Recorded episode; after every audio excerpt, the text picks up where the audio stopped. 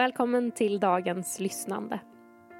Ett konkret uttryck för att vi vill vända vår uppmärksamhet mot den Gud som genom hela historien talat till sitt folk.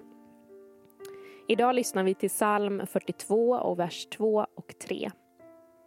Du kommer att få höra texten fyra gånger och inför varje läsning får du en infallsfråga eh, som kan hjälpa dig att närma dig tilltalet. Så låt oss börja. Jag hoppas att du har hittat en bekväm och avskild plats att vara på. Och för att hjälpa oss själva att landa så ta tre djupa andetag och tillåt dig att bli närvarande inför ordet.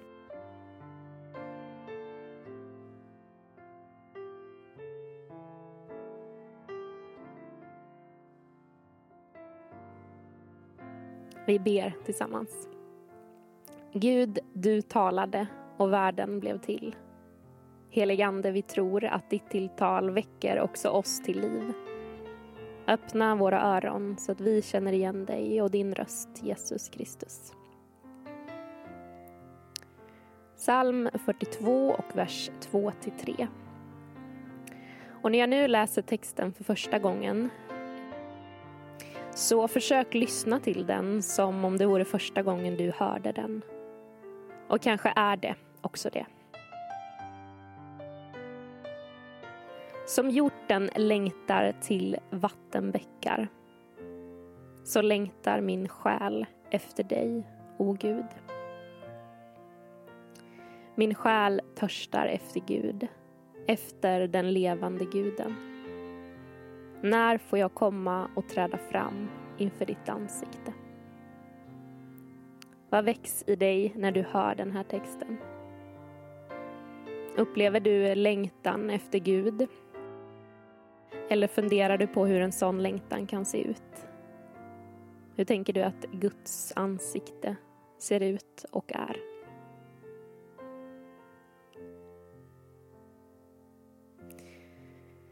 Inför den andra läsningen så ber vi den helige Ande att göra oss uppmärksamma på ett särskilt ord eller en mening i de här verserna som kan ha särskild betydelse för dig idag. Så när jag läser igen, öppna dig för Guds andes tilltal om vad i texten som har särskild betydelse för dig idag. Psalm 42, vers 2-3. Som hjorten längtar till vattenbäckar så längtar min själ efter dig, o Gud. Min själ törstar efter Gud, efter den levande guden. När får jag komma och träda fram inför Guds ansikte? Vilket ord eller vilken mening stod ut för dig? Du kan viska det tyst till dig själv. Du kan säga det högt. Du kan skriva ner det och bära med det under det som är din dag.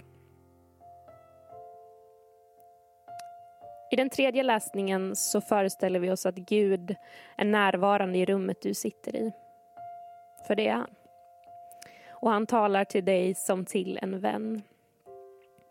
I samtalet så bjuder han in dig att också tala till honom om de här verserna som ju från början är formulerade av Guds folk i relation till Gud. Men Gud berättar om det här för dig. Och han säger Som hjorten längtar till vattenbäckar så längtar min själ efter dig, o Gud. Min själ törstar efter Gud efter den levande guden.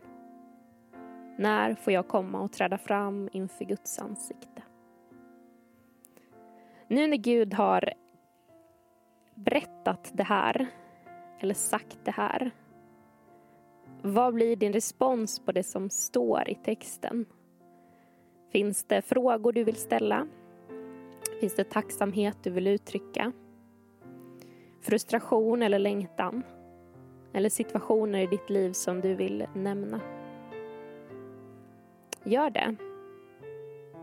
Tyst eller högt eller kanske om du vill eh, skriva ner det.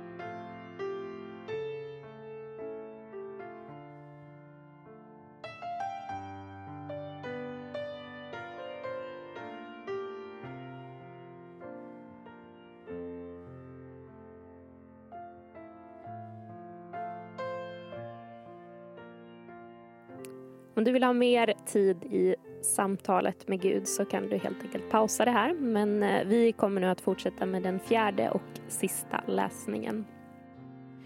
Och här kommer jag läsa långsammare för att ge tid och plats för den helige Ande att tala till dig och djupet i ditt liv. Det finns ett liv och ett tilltal som är bortanför orden och du får nu möjlighet att ta emot det. Som hjorten längtar till vattenbäckar så längtar min själ efter dig, o Gud.